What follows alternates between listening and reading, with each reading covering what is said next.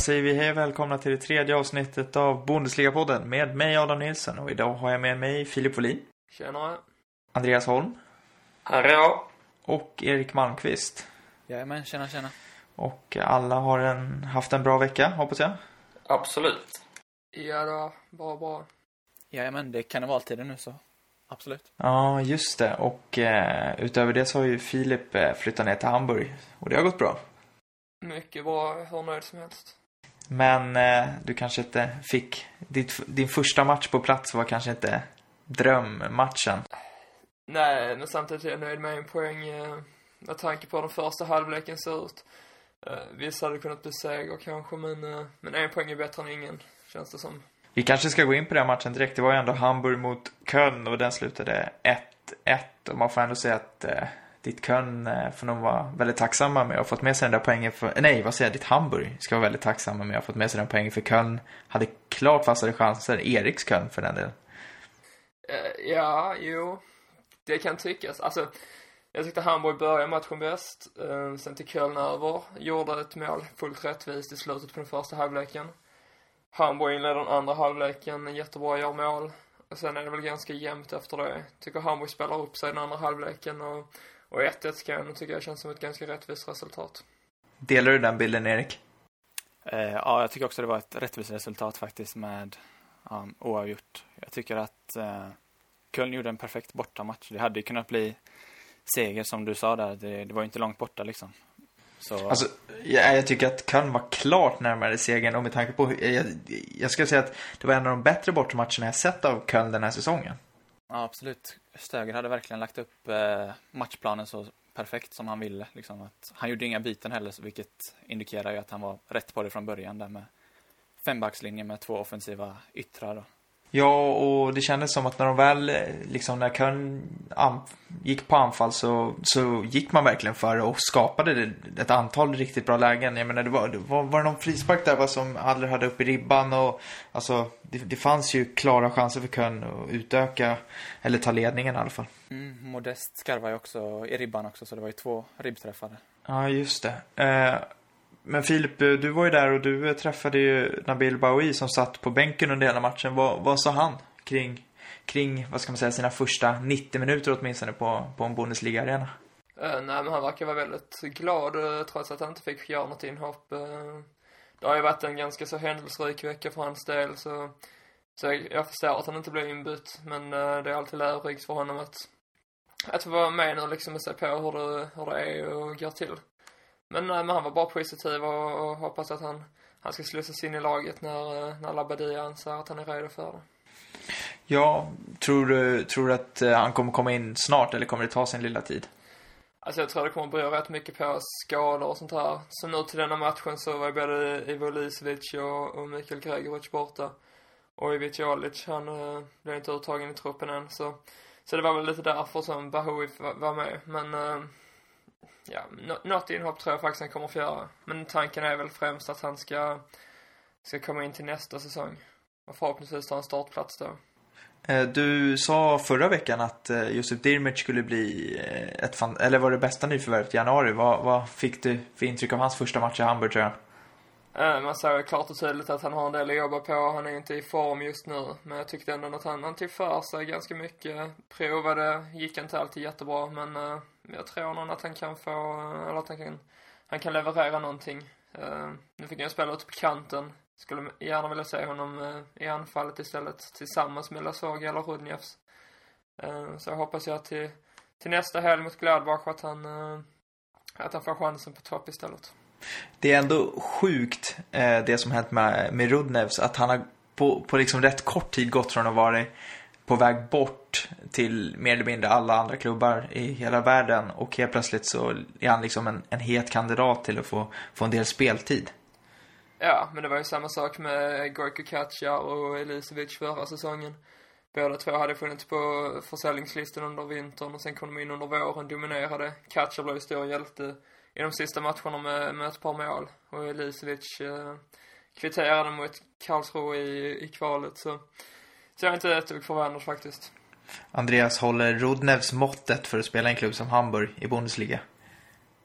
Uh, ja, det tycker jag väl absolut. Alltså, uh, uh, han har ju kanske inte visat sin allra bästa sida för ofta. Men det är också, Hamburg är också ett svårt lag att definiera liksom, vilken nivå de ligger på egentligen i Bundesliga.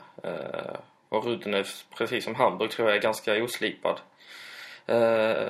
i nuläget. Så det tror jag absolut. Köln fick som sagt med sig 1-1. Erik, eh, tror du att det är, ett, är det början på någonting, på en form som kommer att stiga? Ja, det tror jag absolut. Det finns väl ingenting som talar för att det skulle gå back efter det här. Det blev, även om det inte har blivit någon seger då efter vinteruppehållet så, så ja, som jag har sagt nu i båda podd, poddarna tidigare tror jag att, att allting rullar på runt laget och så, så 1-1 mot Hamburg på bortaplan, det är ändå det är ingen katastrof på något sätt och veckan innan det var det 1-1 mot Wolfsburg hemma så det, det kan, jag tror absolut att det här kommer, att trepoängarna också kommer att rulla in här inom kort. På tal om Wolfsburg så äh, åkte ju de till Schalke med en Julian Draxler som var tillbaka i Gelsenkirchen efter att ha lämnat klubben för en redig summa pengar i somras. Äh, Schalkes dyraste försäljning någonsin. Äh, det, det blev ingen riktigt bra återkomst. Wolfsburg torskade med 3-0 mot Schalke. Var det någon som såg matchen? Inte jag, tyvärr. Nej, tyvärr inte. Nej. Ja, jag såg ganska stora delar av den, Jag måste säga att eh, jag är inte dugg förvånad över att Wolfsburg ligger sist i, eh, i bortatabellen så att säga. De har tagit minst antal poäng av alla lag i Bundesliga bortaplan. De var, de var de hade en inledning som var rätt stark, men Schalke, så fort Schalke gjorde 1-0 så dog lite av Wolfsburgs hela offensiv och de har verkligen stora problem. En, en fråga kring det, tror ni att eh, Dieter Hecking, tränaren i Wolfsburg, ligger pyrt till? Nu har man ändå tappat rätt mycket mark till de liksom, Europaplatserna. Jag tror absolut att han eh, kan sitta lite illa till i och med att Wolfsburg är en eh, klubb med personer liksom som ställer höga krav. Eh, nu vet jag inte hur det såg ut i helgen då men deras förra möte tyckte det syntes ganska tydligt att det inte fanns någon riktig spelglädje i Wolfsburg för tillfället och det blev väl betydligt mer smärtsamt då när man kommer till, till ett toppmöte som det egentligen borde vara då mot Schalke liksom och får uh, så, så, pass stor, stor förlust i ryggen. Är det avsaknaden av Kevin De Bruyne och Ivan Perisic som, som visar sig den här säsongen, Erik? Så kan det mycket väl vara. Alltså det, det, har, det har inte funkat här med nyförvärven trots att de har värvat väldigt stort de senaste, åtminstone två transferfönstren där med André Schürrle in och Julian Draxler in. Alltså ingen av dem har fått, alltså tagit det till nästa nivå när de har kommit till Wolfsburg utan de har snarare ja, stagnerat eller man ska säga. Inte, inte nått upp till det de, till prissumman som de har på sig liksom när de kom. Så ersättarna har inte alls levererat i, i samma nivå som de borde ha gjort. Och när man ställer upp med Niklas Bentner från start och säger att man, man saknar någonting, eller hur? Ja, verkligen. Eh, men precis som Erik säger, så att tappa en spelare som Kevin De Bruyne, liksom det är så bra som han var under sin tid i, i Wolfsburg. Eh, det är klart att det blir känsligt när en sån eh, spelare lämnar. Eh, Perisic däremot har jag förstått inte har gjort lika bra ifrån sig i sin vidare karriär. Men han är väl inte en spelare som är lika svår att ersätta. Men eh, det finns mycket att jobba på för personerna i, i Wolfsburg.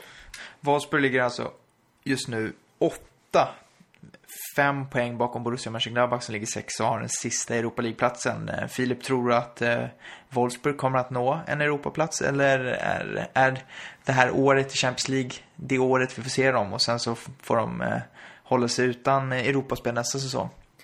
Alltså det är ju många topplag som har underpresterat nu under, under början av, eh, av den här, eh, av det här året. Men, och jag tror väl inte heller att man kommer att ta en Champions League-plats som det ser ut just nu. Dock så en, en Europa League-plats känns väl ganska, känns ganska troligt faktiskt om man, om man nu lyckas komma ur sin svacka. Men frågan är om man gör det. Jag hoppas ju inte att Häcking kommer få sparken för jag gillar honom skarpt men, men liksom, bör de inte vinna snart så, så finns det knappt någon annan lösning känns det som. Nu såg vi Wolfsburg förlora. På andra sidan stod lyckliga segrare Schalke som gjorde sin bästa match på bra länge. Nu har de två segrar i rad. Darmstadt eh, senast. 2-0 vann de med då. 3-0 nu mot Wolfsburg. Eh, kommer Schalke lyfta i tabellen? Vad tror du, Andreas? Uh, inte sådär jättemycket i tabellen. De är, de är fyra just nu, ska Ja, säga. precis. Och de är absolut aspiranter liksom på, på eh, tredjeplatsen eh, och sådär. Eh, jag är väl mest eh, imponerad liksom av att de verkligen har fått ihop eh, försvaret nu och eh, känns som att det börjar bli ett mer eh, helhetsbyggt lag på något sätt. Eh, så jag är ganska jag känner mig ganska säker på att Schalke kommer att sluta topp fyra i år. Eh, sen om det blir tredje eller fjärde plats, det, det får man se. Topp fyra, tror du på det Erik? Mm, jag skulle faktiskt eh, hålla med Andreas där om topp fyra placering. Det känns rimligt. Filip? Ja, de lär inte ta sig förbi varken eh, Bayern München eller Dortmund givetvis. Så det är väl om Hertha Berlin eh, fortsätter tappa poäng och, och de andra topplagen går, eh, går trögt. Men jag tror kanske mer topp 6 faktiskt. Gladbach känns ju snäppet hetare och Leverkusen vet man aldrig riktigt vad man har. Så, så jag är inte lika, lika positivt att man kommer hamna i topp 4. Du eh, nämnde Gladbach som eh, som sagt eh, kom igång ordentligt i fredagsmatchen mot Bremen. 5-1 hemma och eh, det var rejäl utskåpning efter att ha ändå haft ett litet frågetecken över sig framförallt tränaren Schubert och se hur han skulle hantera den här situationen. Eh, Gladbach eh, 5-1, eh, var, var har vi dem? Är, är Gladbach ett tänkt topplag för våren? Vad säger du Erik? Ja, jag, tror, jag tror de är, också kommer hamna topp fyra där. De är, de är tillsammans med Schalke och Dortmund och Bayern är de som jag tror kommer sluta där uppe. Och även om de är väldigt mycket upp och ner med de har ju ett ungt lag och ja, i ena sekunden, eller ena matchen så gör de fem mål som nu och sen så kan de släppa in fyra mål och de är väldigt upp och ner så som, som ja, de är det helt enkelt och eh, men jag tror att det kommer räcka till eh, åtminstone en fjärde plats då. Andreas, när du ser det här Mönchengladbach, får du intrycket av att det är ett stabilt lag eller har Schubert mer att jobba på? Mm, jag får intrycket av att det är ett ganska ihopsvetsat eh, lag i alla fall. Det är många spelare som har stuckit ut ur mängden i höst. Inte minst Oscar Oskar Wendt som har varit eh, eh, riktigt bra och Johnson och sådär. Nu har ju Dahoud också, eh, av det jag såg i fredags i alla fall, så gjorde han en riktigt eh, bra match. Liksom hela Mönchengladbach såklart. Eh, så jag tycker absolut att det är ett lag som inte bara ser väldigt bra ut just nu utan också har en en, eh, en fin framtid framöver om man kan lyckas hålla kvar spelarna. Liksom. Överflödig fråga kanske Filip, men Oscar Wendt ska vara given i en EM-trupp, eller hur? Mönchengladbach vann alltså mot Bremen 5-1 och Claudio Pizarro som spelade sin 400 match blev eh, Bremens 400 match i Bundesliga ska sägas. Eh, blev enda målskytt för Bremen och det var den enda gången de hade Mönchengladbach lite i gungning var efter att de reducerade till 1-3 men Mönchengladbach redde ut det där och imponerade får man ändå säga. En ett lag som inte har imponerat överhuvudtaget och som fortsätter att ha stora problem är Hannover. Eh, förlust 1-0 hemma mot Mainz. Eh, Alexander Milosevic gjorde en okej okay insats. Eh, stod visserligen lite ansvarig för att man släppte in ett eh, mål. Eller det är matchens enda mål. Det var ju han och sex andra som stod och glodde boll. Thomas Schaff har kommit in som tränare. Jag vet att Andreas har lite tankar om Thomas Schaff som ändå har ett rätt bra rykte. Han är på väg att sabba det nu under sin nya period här. Uh, ja, alltså ryktet han har i Bremen det, det består väl. Uh, kanske blir ännu bättre om man uh, lyckas vara med och plocka ner Hannover i, i Schweizerliga. Nej men jag, eh, nej jag tycker inte det. Jag tycker man får liksom värdera lite efter vad man har också. Eh, Hannover har haft stora problem under en längre tid nu och eh, jag vet faktiskt inte själv vad som är lösningen för, för att sy ihop det igen. Tror, tror du Thomas Schaff kan reda ut det här? Uh, ja, ja, jo, det tror jag att han kan. Frågan är om han gör det för att helgardera mig då.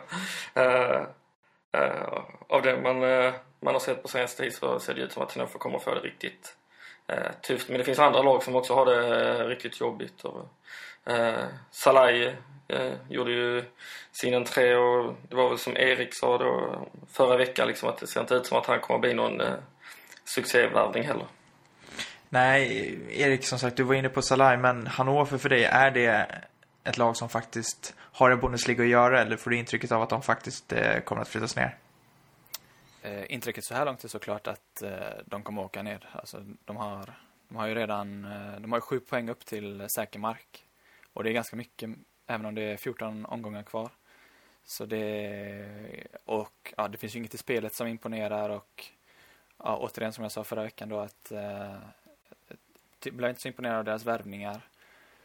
Eh, och Hugo Almeida möjligtvis då, men överlag Alexander Milosevic vad eh, kan han göra det ska bli intressant att se. Men om han helt plötsligt tätar till ett mittförsvar i Bundesliga som är så dåligt som det har varit, då, ja, då är han ju en man för EM-startelvan till och med, om han lyckas med den bedriften. Så, så det, det ser tufft ut för Hannover åtminstone, så kan man ju säga. Men är det inte rätt intressant att Thomas Schaff som ändå har 14 rätt, eller rätt bra, väldigt bra år i Bremen bakom sig. En säsong i Frankfurt som visserligen eh, slutade lite tråkigt men ändå var liksom ett positivt utsträckande, Är det inte konstigt att han mitt under, liksom, går in i ett nästa jobb mitt under en säsong i ett lag som, som ligger i botten? Eller vad, vad säger du Filip? Är det inte, borde han inte kunna fått ett bättre jobb? Jo, det är klart man kan tycka. Eh, jag tycker det var väldigt modigt av honom att, att ge sig på detta uppdraget. Eh, han har ju bara gått sämre och sämre de senaste åren och, de borde ju faktiskt kanske ha åkt ut redan förra året med, med tanke på deras vårsäsong. Jag tror de var det en eller två matcher de vann på hela våren. Eh, men det, det är klart. Han är väl sugen på ett jobb och det har väl inte funnits så många alternativ denna säsongen. Eh, de flesta lagen har ändå gått ganska stabilt. Det är just Hoffenheim, Hannover liksom och ja, då får man väl ta vad som dyker upp, antar jag. På andra sidan stod ett Mainz som, som återigen vann och nu ligger uppe på sjunde plats, två poäng från Europa. Kommer vi få se dem utmana om den där Europaplatsen eller tror ni att eh, det här är så högt de kan nå? Vad, vad säger Andreas? Uh, ja, det är för mig väldigt överraskande att de har gått så, uh, så bra som de faktiskt har gjort. Kanske inte så överraskande att de besegrar just Hannover då. Men uh, uh, inför säsongen så trodde jag att de skulle vara nere och slåss runt uh, kvalplatsen neråt. Och det har ju blivit snarare tvärtom och verkligen imponerat. Um, tror kanske inte att det kommer räcka hela vägen till en Europaplats. Men med tanke på hur fel vi hade inför, inför säsongen om det här laget så kanske inte jag är den som ska eh, gissa om de, om de tar en, in, sig in på en Europaplats. För ett år sedan, ganska exakt ett år sedan, så sparkade man eh, den danska tränaren Kasper Hjulman och tog in Martin Schmidt. Han har fört Mainz från nedre halvan till den övre halvan. Vad skulle du säga han har bidragit med Martin Schmidt i sitt tränarskap, Erik? Um Svårt att säga tycker jag, men eh, det har uppenbarligen blivit bättre så han har ju fått någon han har ju fått eh, in energi i laget och eh, jag vet inte, Julman han kändes inte riktigt som eh, en man för eh, Bundesliga när han kom in. Alltså det, det har generellt sett inte funkat för eh, nordiska tränare i Tyskland. Om vi tänker på Ståle Solbacken som har varit i Köln då till exempel. Det var samma visa där att det blev aldrig bättre under hans tid i klubben och Julmand, han, han lyckades ju inte heller. Så jag tror att det kan ha varit det, att materialet fortfarande fanns där. Vi vet ju vad Minds har gjort med, de har levererat spelare till större klubbar, tränare till större klubbar. Och där gick de bet då på eh, Julmand att det inte lyckades där. Men med Martin Schmidt så tror jag verkligen att alltså de har fått en man som kan, kan Bundesliga med det här och eh, har fått in, vet hur det funkar helt enkelt. Martin Schmidt, eh, handplockades ju efter att han hade mött Thomas Tuchel när Tuchel var tränare i Mainz. Tuchel är idag i Dortmund och Dortmund spelade helgen i en riktig toppmatch. De mötte tabelltrean Hertha, Dortmund är själva tabelltvåa. Slutade 0-0 på Olympiastadion i Berlin. Andreas, eh, var det Dortmunds kanske sämsta, säsong, eller, eh, sämsta insats den här säsongen? Uh, uh, Svårt att... Eh, Eller ska jag, jag kan säga så här. Var det så att det var Hertha som faktiskt eh, gjorde de dåliga? För jag skulle vilja säga att Hertha gjorde en rätt bra insats. Eh, absolut. Eh, man kan ju till och med säga att Hertha var det bättre laget. Eh, Och borde ha vunnit. Eh, om de hade satt sina målchanser då. Det, det var lite självförvållat kan jag tycka. Men, nej men absolut.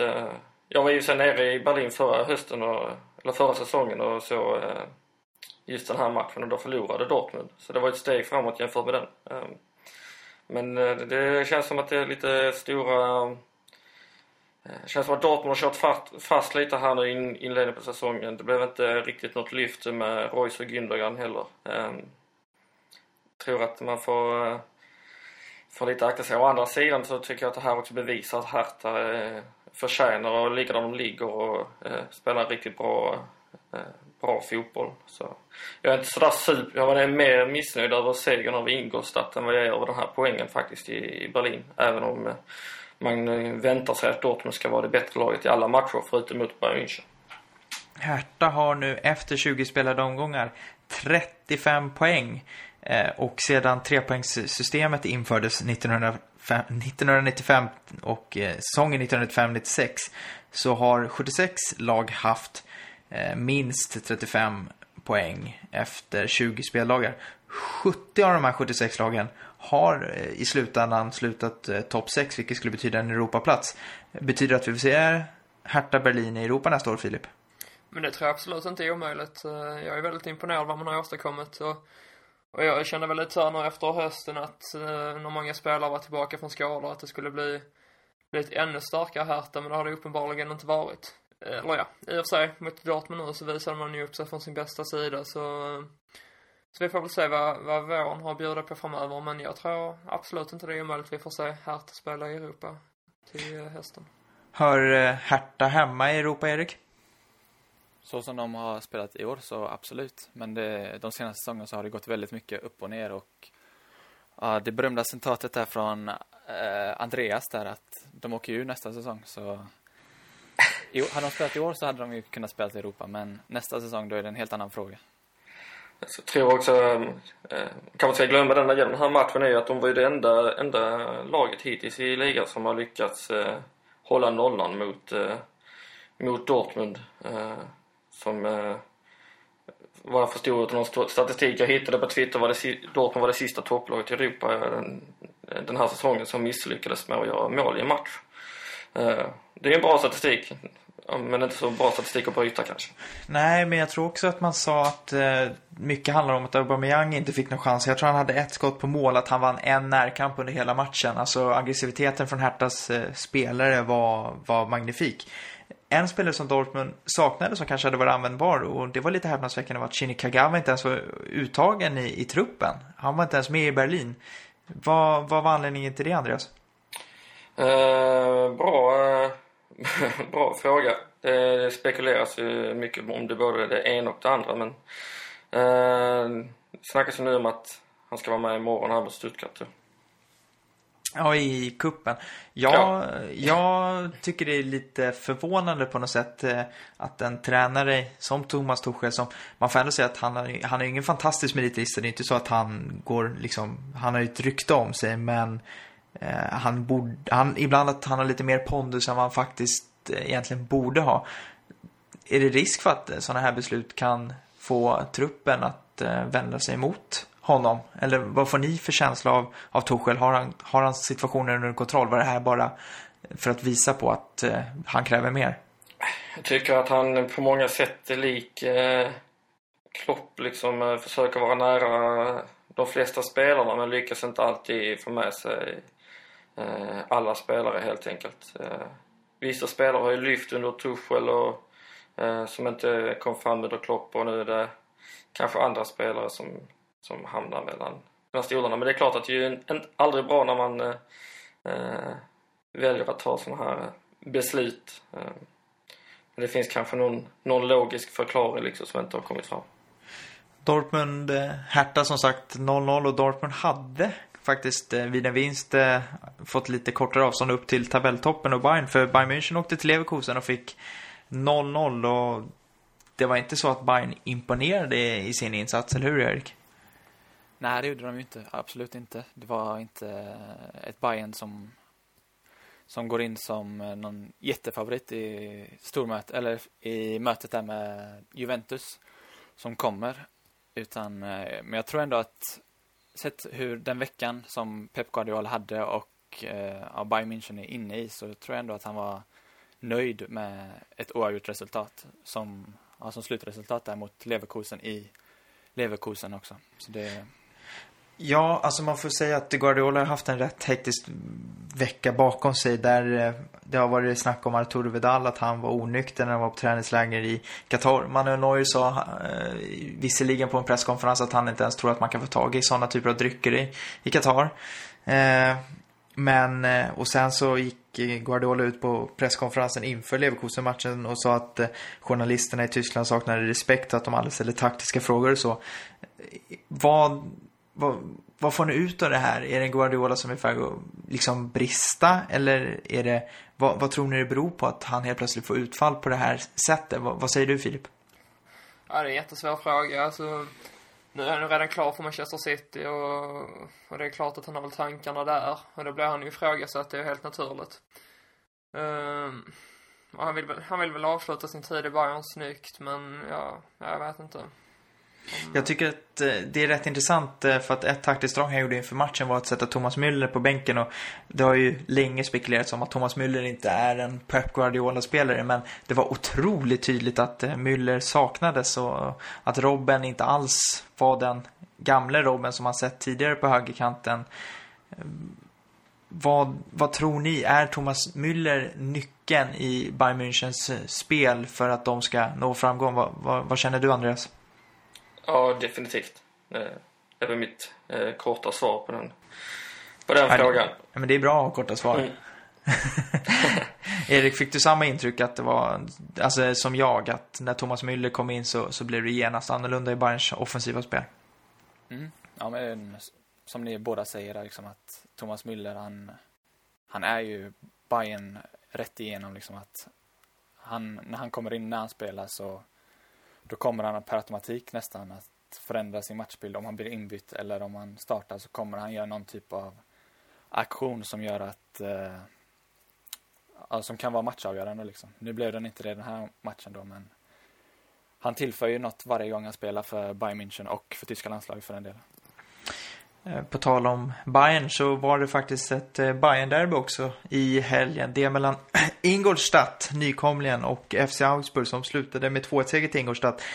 Och för er som lyssnade förra veckan så vet vi att vi pratade lite om att Ingolstadt hade domsluten emot sig mot Dortmund. Man kan säga att de fick en otroligt eh, billig och feldömd straff eh, till 2-1 målet eh, som gjorde att de vann. Nu var ju Ingolstadt visserligen det klart bättre lag och skapade otroligt mycket lägen och borde haft en, en straff i ett annat tillfälle. Men Ingolstadt vann det där Bayern-derbyt med 2-1 och noterbart var också att eh, presidenten eller ordföranden i Augsburg eh, sägs ha blivit utkastad från VIP-logerna för att han har kastat omkring stolar där eh, för att han var irriterad. Det är inte riktigt vad man vill höra av sin klubbchef, eller hur? Eh, inte nog för att man kan bli het i derby, men nej. Det, det sägs också att den här klubbchefen heter Hoffman efternamn. Att han, han är faktiskt en otroligt inbiten Augsburg-supporter sedan barnsben har stått väldigt mycket i klack och sånt. Så att, ja, det kanske finns sin förklaring. Eh, en annan match som vi inte nämnt som spelades på lördagen, det var där mellan Eintracht Frankfurt och Stuttgart. Där Stuttgart bortalaget vann med 4-2 och de sållar sig till resultat. Det blir mycket mål i de här matcherna för de tre tidigare mötena innan den här har slutat med en 5-4-seger till Stuttgart, en 3-1-seger till Stuttgart och en 4-1-seger till eh, Frankfurt. Eh, det var otroligt eh, intressant. Var det någon som såg matchen eller har sett lite highlights från den? Jag tittade på konferens här i Tyskland och, och man kan väl säga att Stuttgart har väl egentligen imponerat hela säsongen med sin offensiv. Men, men det är väl egentligen först nu man har börjat plocka poäng tack vare den. Och och jag känner väl att eh, det känns som att Stuttgart kommer att klara sig kvar i alla fall. Men hur många, hur många chanser missade inte båda lagen? Det här hade ju kunnat sluta liksom med 8-6.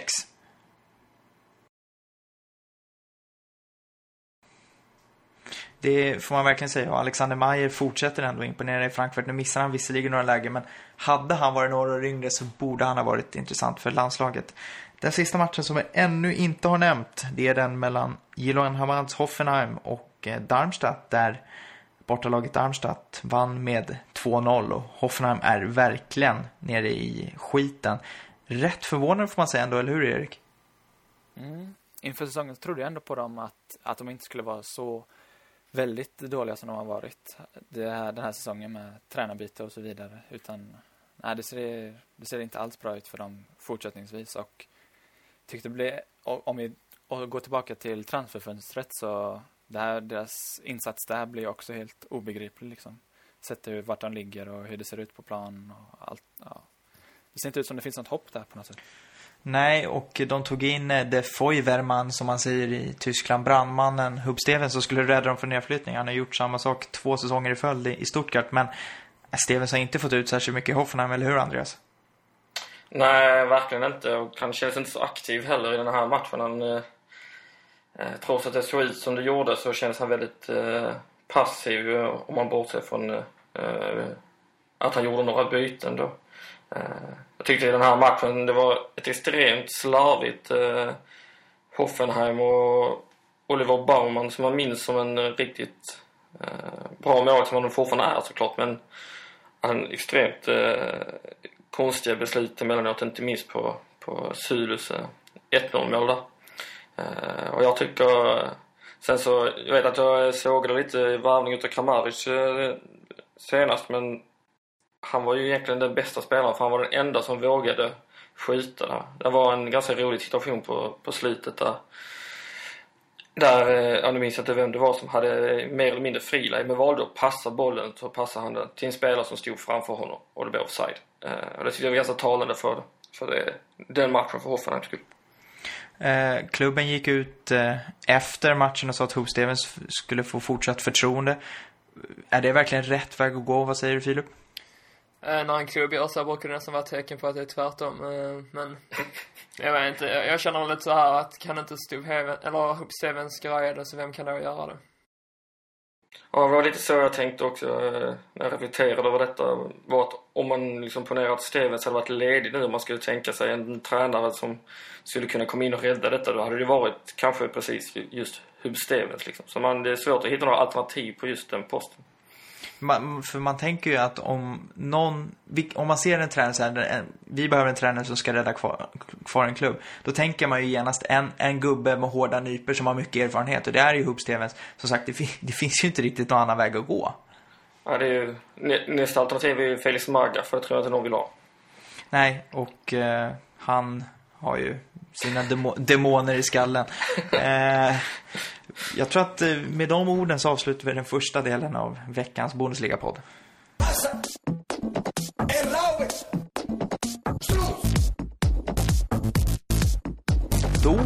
Är ni tillbaka till den andra delen efter en kort liten musiksnutt. Eh, och eh, vi tänkte kolla till hur det har gått för svenskarna här. nu. vi nämnde tidigare att Oskar Wendt hade spelat i Mönchengladbach, spelade hela matchen där. Eh, Nabil Baoui fick sitta 90 minuter på bänken för Hamburg när de mötte Köln.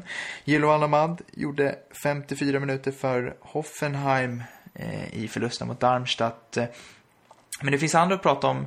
Intressant tycker jag att Pierre Bengtsson nu inte bara petade startelvan utan petade hela truppen.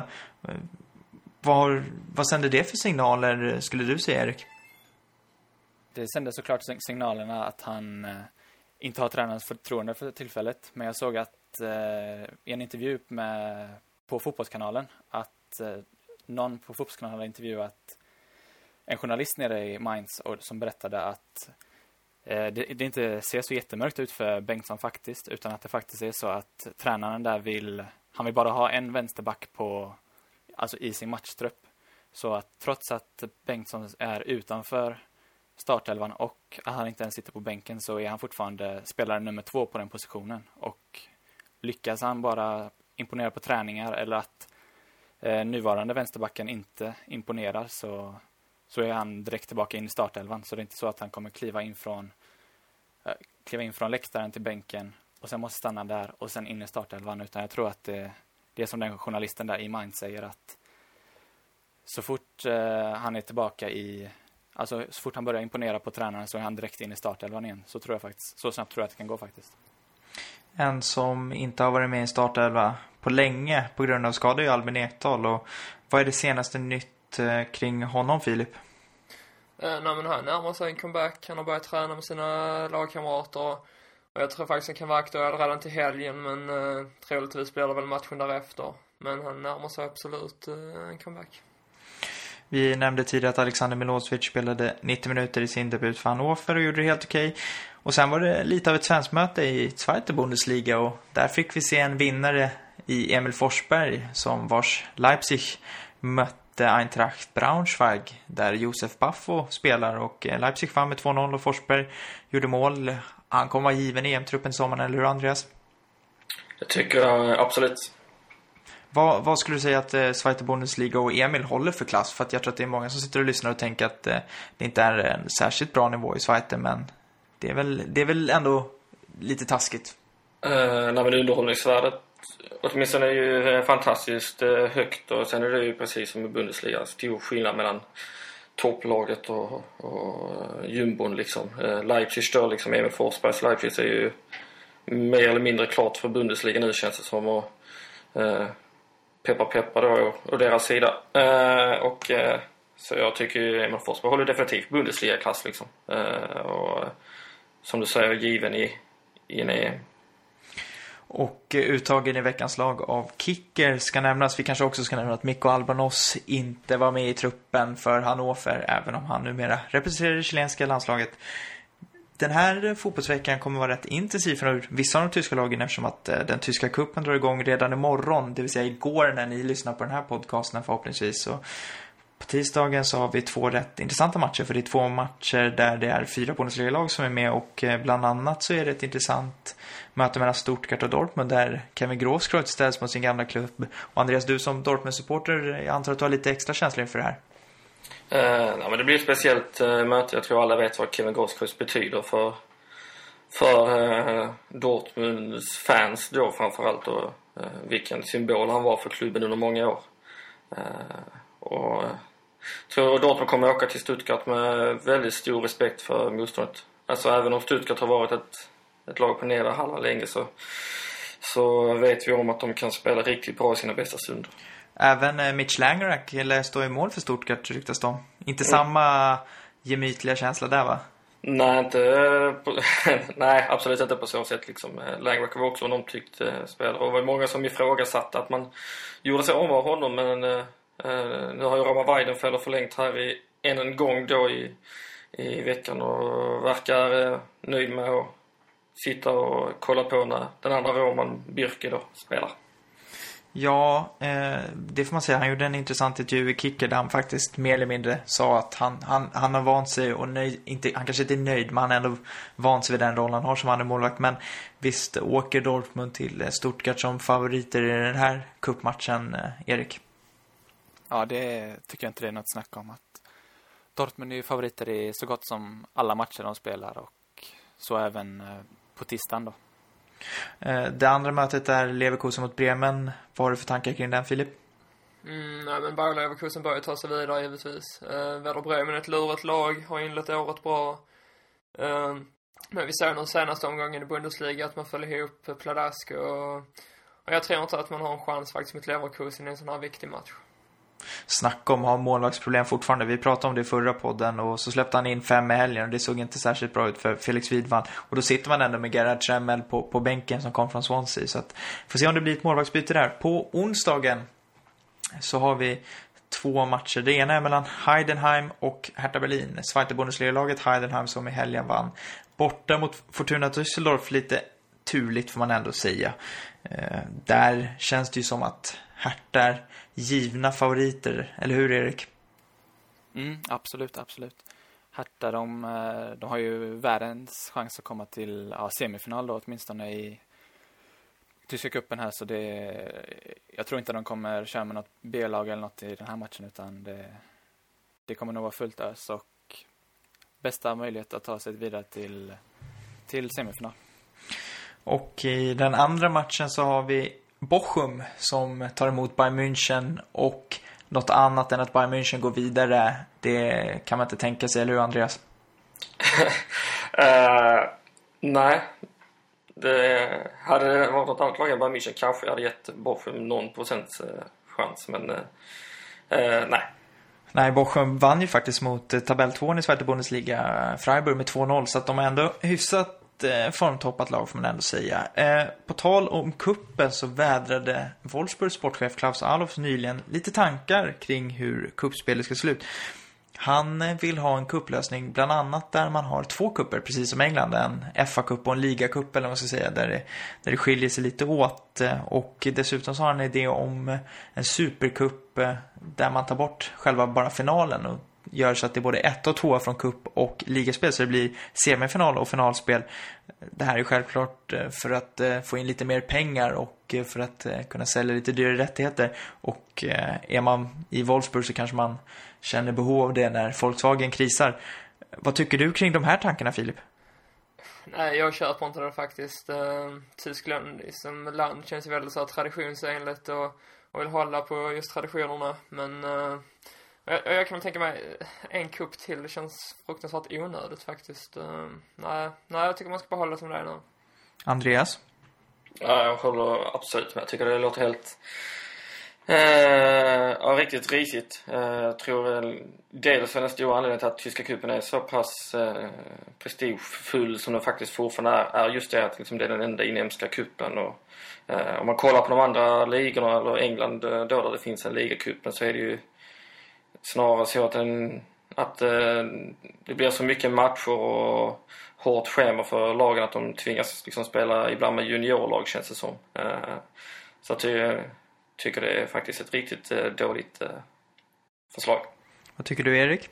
Ja, jag har faktiskt inte så mycket att tillägga. Det är bara att stryka den idén, tycker jag.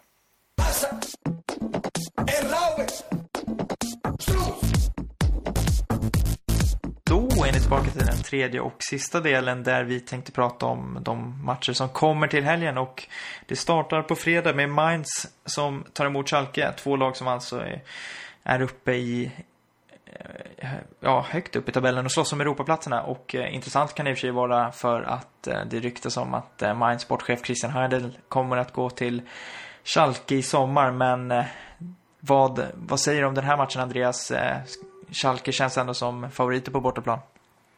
Eh, ja, men den senaste matchen i åtanke så absolut. Eh, men Mainz har ju gjort eh, riktigt bra, inte minst eh, Clemens då som ställs med sina före detta lagkamrater. Eh, så det kommer bli, eh, jag tror att det kan bli en riktigt bra match faktiskt. Eh, förmodligen kanske den på förhand mest eh, intressanta ur ett tabellperspektiv. Så får vi se om Pierre Bengtsson dyker upp i truppen igen. På lördagen så har vi ett gäng matcher vid 15.30. Bland annat så hittar vi plastklubbsmötet mellan Wolfsburg och Ingolstadt. Eh, det känns ändå som att Ingolstadt har en liten chans att hämta poäng där med sin form och Wolfsburgs klart dalande form. Eller vad säger du Erik? Jo men så är det absolut. De, har ju, de kommer ju absolut ha en chans. Det skiljer ju inte alls mycket i tabellen. En poäng tror jag. Och, Eh, men samtidigt så ser jag det som en möjlighet för Wolfsburg att komma in på rätt spår. Att de får en, eh, om man ska säga så, en lätt match förhållandevis eh, då.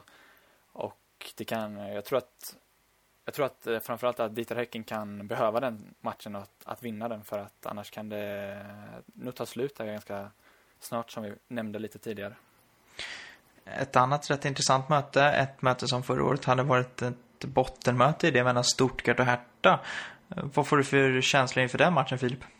Att det kan bli ganska mycket mål. Ehm, Stuttgart är ju ett av de mest offensiva lagen i ligan skulle jag vilja säga och, och Hertha Berlin ehm, är ett ja. av de mest defensiva. Ja, men egentligen. men jag tror ändå faktiskt på att uh, det kommer bli ett ganska målrikt uh, möte. Och jag, jag, jag vågar faktiskt sticka ut och säga att jag tror att Stuttgart har en chans till, till att vinna denna matchen. Mm, alltid någon som, kul med någon som sticker ut hakan eh, lite. Sen har vi också mötet mellan Bremen och Hoffenheim och eh, det är ju ett Bremen som verkligen är i behov av poäng och det är ett riktigt bottenmöte. Jag menar Bremen har den sista eh, säkra platsen eller kvalplatsen och Hoffenheim är i botten. Jag kan inte annat förvänta mig än att Bremen går och vinner faktiskt. Är det någon som säger emot? Nej, jag tror så det. Svårt att säga. De är ju svåra att placera ibland. Eh, svårtippad match, men är det så att Bremen vinner den så, så kommer ju Hoffenheim ha ett rejält steg upp alltså till, till säker mark. Eh, så det känns... Eh, ja, Hoffenheim måste nog vinna den. Jag får se om de är tillräckligt desperata. Ett annat bottenlag som spelar är Hannover som åker till Dortmund eh, för att spela. Andreas, ditt Dortmund ska väl inte annat än vinna den med rätt många mål va? Ja, jag tror att det här är en bra match för att få igång offensiven igen mot Hannovers något bräckliga defensiv då. Eh, får se om Milosevic eh, kan eh, liksom leva med, eller lyckas stå emot chocken av att komma in på Westfalen stadion. Det blir väl en upplevelse för honom, kan jag tänka. Sen eh, 15.30 så har vi ytterligare match mellan Darmstadt och Köln. Och, nej, det har vi inte alls. Mellan Darmstadt och Leverkusen däremot. Och jag säger att Darmstadt vinner den. Vad säger ni då? ja, jag säger emot det, bara för att.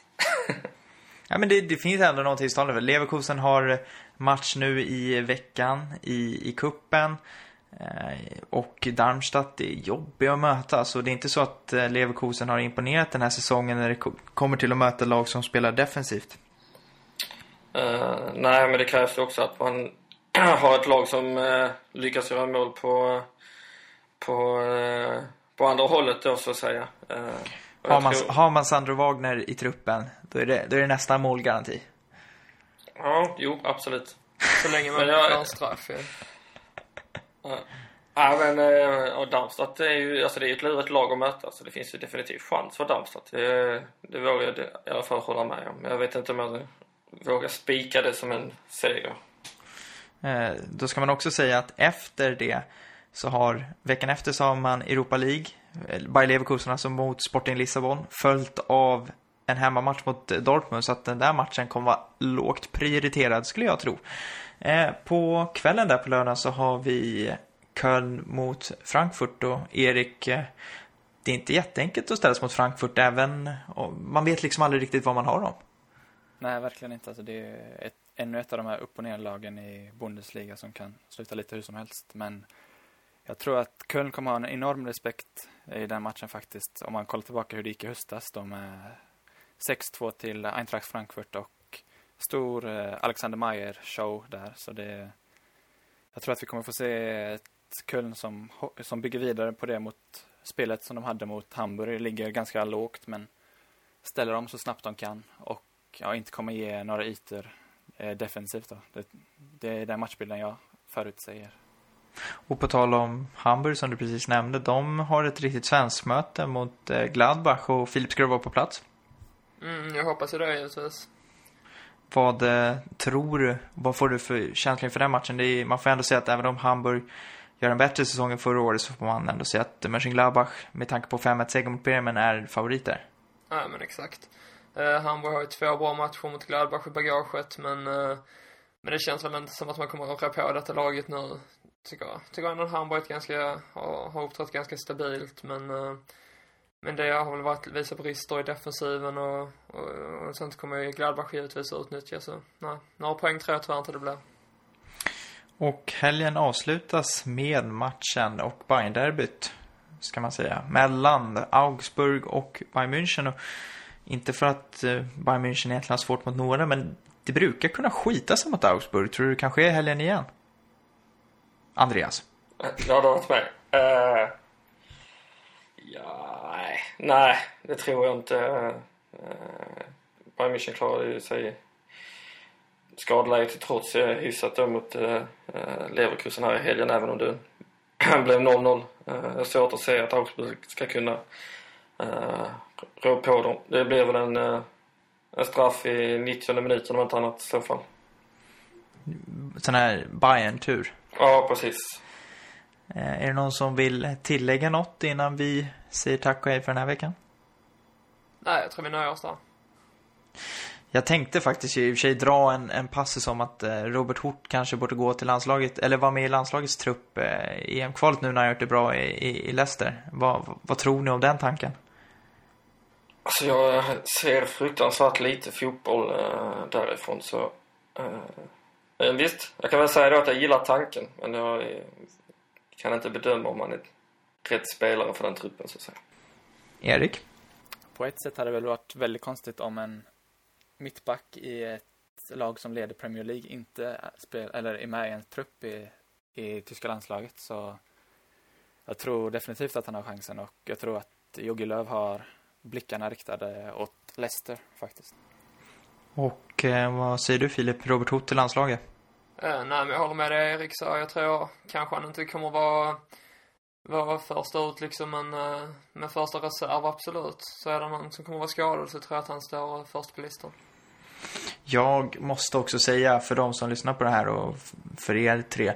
Såg ni det här firandet Stuttgart gjorde efter att ha gjort 2-1 mot Hamburg när tränaren Kramny råtacklar ner Daniel Didavi? Nej, men det lät bra. Alltså, sök upp det. Jag tror det finns på eh, Bundesligas Bundesligans YouTube-kanal över roligaste, så här, funniest moments of ja, den senaste omgången. Det, det, det är briljant, för det är en brutal kapning faktiskt för sidlinjen. Där Kramne halkar till och verkligen, alltså, nej, det där vi flyger sin lilla bit. Och med de orden så tackar vi för oss för den här eh, veckan och vi kommer tillbaka om en vecka, men eh, om man inte får nog av Bundesliga fotboll så kan man alltid följa oss på Twitter. Var hittar man dig, Filip? Eh, volym med 0 SL2. Andreas? Andy Holm. Erik? Malmqvist understreck E. Och mig hittar ni på A.T. Nilsson. Det var allt för Bundesliga-podden den här veckan. Hoppas att vi hörs nästa vecka.